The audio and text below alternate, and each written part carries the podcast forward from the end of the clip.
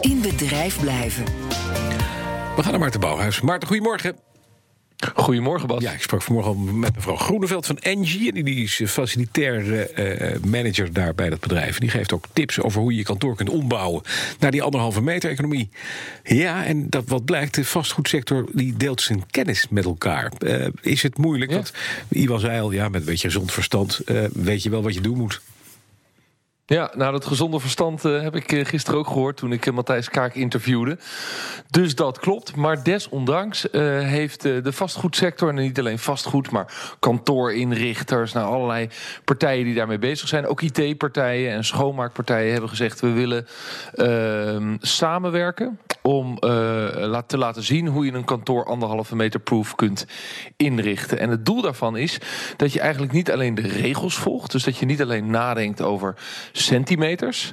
Maar dat je mensen een fijne plek geeft om te werken. En dat heeft ook gewoon met veiligheid te maken. En uh, wat ze dus willen doen, is weer veiligheid creëren. Op een kantoor, daar uh, leven mensen. En mensen die, uh, ja, die hebben een bepaald gevoel. Dat is nou eenmaal zo. En uh, dat gevoel kan ook wel eens onveilig zijn. En zeker door nou ja, de, het ontbreken van het perfecte antwoord op de huidige situatie, moet je dus uh, daarop inspelen. En, uh, en moet je een omgeving gaan creëren waar mensen naartoe willen, kunnen en durven komen. Mm -hmm. Dat zei Matthijs Kaak hè, van, uh, van dit, van dat bureau, is kantorenrichter. Waarom, waarom zijn ze gaan samenwerken met andere vastgoedpartners? Nou, dat antwoord is eigenlijk heel simpel. Het probleem is veel te groot. Ja, ja. En het is te complex voor één partij. En dit is dan een kantoorinrichter. Moet je vooral denken aan de meubeltjes en de plannen om een kantoor uh, mooi te maken, om het even plat te slaan. Uh, maar zij zeggen van ja, die, uh, als ik het al commercieel zou bekijken, is die markt ook veel te groot voor ons. We hebben weliswaar gisteravond van Rutte gehoord dat we voorlopig nog thuis werken. Maar we gaan natuurlijk toch, dat verwacht iedereen wel, de komende maanden in een soort hybride vorm komen. Dat er weer meer collega's naar kantoor komen en dat ook collega's thuis werken. Uh, en dan zal dat kantoor dus ook, dus nou ja, wat ik zeg, veilig moeten zijn en helemaal klaar moeten zijn voor die anderhalve meter. Nou, dat moet dus voor al die kantoren in Nederland. En dus zeggen ze laten we samenwerken. En wat is dan die samenwerking? Dat heet annonow.nl. Dat is een website. Uh, en die samenwerking gaat dus vooral over het delen van kennis en inspiratie, legt Matthijs Kaak uit. Wij proberen een platform te zijn waar al die lagen samenkomen.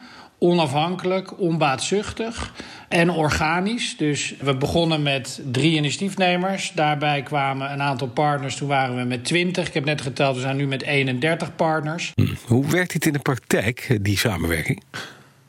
Nou ja, dat gaat dus vooral over uh, kennis delen en, ja, ja. En, uh, en elkaar inspireren via een website. Maar ook wel, uh, legt hij uit, samen op pad gaan. Bijvoorbeeld bij Cushman zag ik weer een hele slimme oplossing voor toiletgebruik. Nou, die kunnen wij weer doorvertalen naar iemand anders. En gisteren hebben we 46 panden doorgenomen uh, bij NSI. Al hun panden die moeten klaargemaakt worden voor straks een terugkeer naar kantoor.